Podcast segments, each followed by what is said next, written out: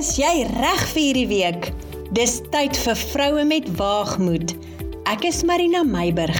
Skep saam met my nuwe moed uit God se woord. Hallo vriendin. 'n Nuwe week het begin en ek vertrou jou hart is vredevol en vrolik. Hierdie oomblik, hierdie dag, hierdie week is in God se plan. So, as jy dalk 'n bietjie onvoorbereid voel vir wat ook al op jou tafel lê of in jou notas of dagboek aangeteken is, moenie bekommer nie. Jou Skepper is in beheer. Ek het nie beplan om hierdie te sê nie, maar ek voel op hierdie oomblik om vir iemand wie vandag by die teater deurwag, terwyl 'n geliefde van jou onder operasie is, spesiaal te bemoedig. Ek weet nie vir wie hierdie boodskap is en wat die omstandighede is nie, maar ek wil jou gerus stel.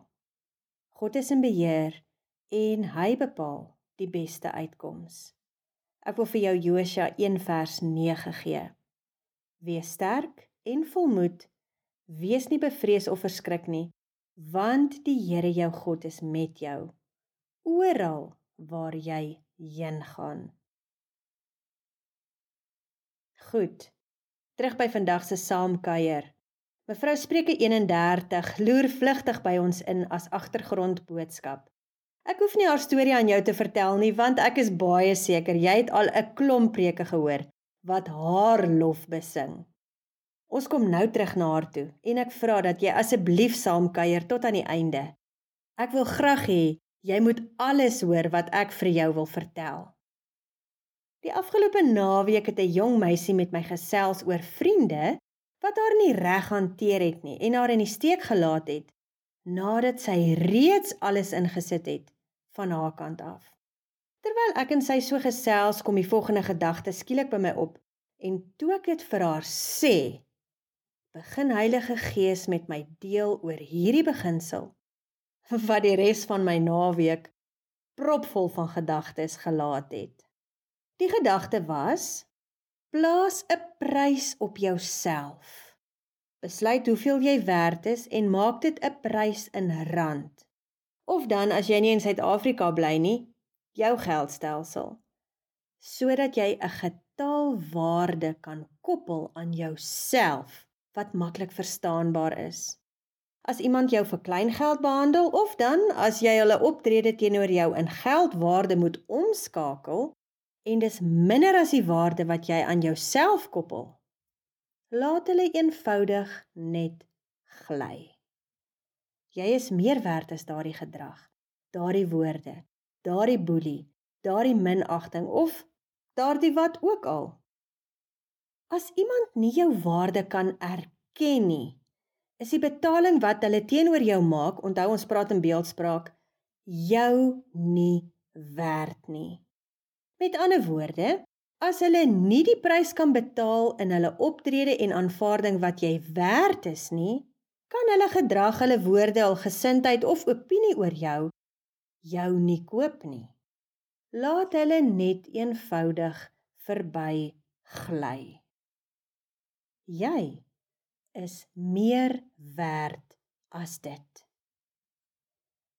Toe ek hierdie woorde vir haar sê, het mevrou Spreuke 31 dadelik op my skouer kom sit. Kom ons lees gou die heel eerste vers van haar storie. Spreuke 31 vers 10 lees in die 1933 vertaling. Wie sal 'n deegsame vrou vind want haar waarde is ver bo korale.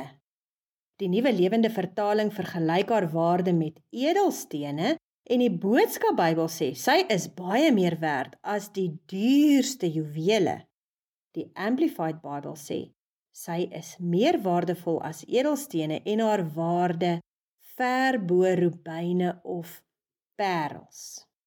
Ongeag die vertaling en wat ook al sy teen geplaas word, korale, edelstene, duurste juwele, rubyne of parels, alle vertalings plaas haar waarde bo dit meer as dit 'n kosbare vriendin van my is 'n slyper en deur ons interaksie oor die edelstene wat sy slyp kan ek 'n waardebepaling maak ten opsigte van edelstene.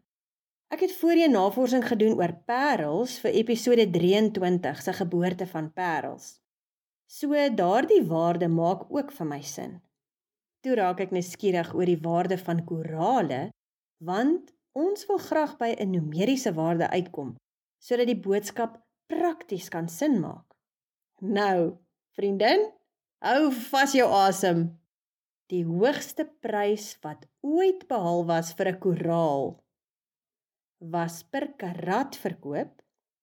Dis ongeveer 0.2 gram en die omskakelingswaarde na rand per kilogram hou vas jou kakebeen werk uit op afgerond na 286 miljoen rand per kilogram. 286 miljoen rand per kilogram. Natuurlik was dit nou 'n kosbare koraal, né? Nee? Vriendin, is jy 'n deegsame vrou? Wat is jou waarde? As jou waarde meer is as korale, is jy iemand wat fokus op handelsmerke? Dra jy net hierdie of daardie handelsmerk? Klere, skoene, handsakke en bykomstighede. Wat is die markwaarde van die handelsmerke waarmee jy jouself beklee? Hoeveel voel jy werd wanneer jy jouself met hierdie handelsmerke beklee of dan hoeveel voel jy nie werd nie omdat jy jouself nie daarmee kan beklee nie? Wat van kettingwinkels? Koppel jy 'n prys aan jou inkopies in terme van handelsmerk? Koop jy net by hierdie of daardie winkel? Wat is die markwaarde wat jy aan jou inkopies heg en hoe laat dit jou voel wanneer jy daar koop? Of dan, hoe voel jy as jy nie daar kan koop nie? Nee nee, moenie nou wegklik nie. Die storie is op pad. Ek besef daar is heelwat mense wat nie fokus op hierdie dinge nie maar ek is op pad om die storielyn te bou na dit waarby ek wil uitkom. Het jy al 'n markwaarde vir jouself in gedagte, vriendin? Nee, ek het nie die pad verloor en fokus op materiële dinge nie. Spreuke 31 gee 'n maatstaf markwaarde aan 'n deegsame vrou. Dalk het jy verkeerde keuses gemaak in jou lewe en jy voel tweedehands minderwaardig of dalk dat jou markwaarde 'n bietjie aan die lae kant is. Wel, dan het ek baie goeie nuus vir jou.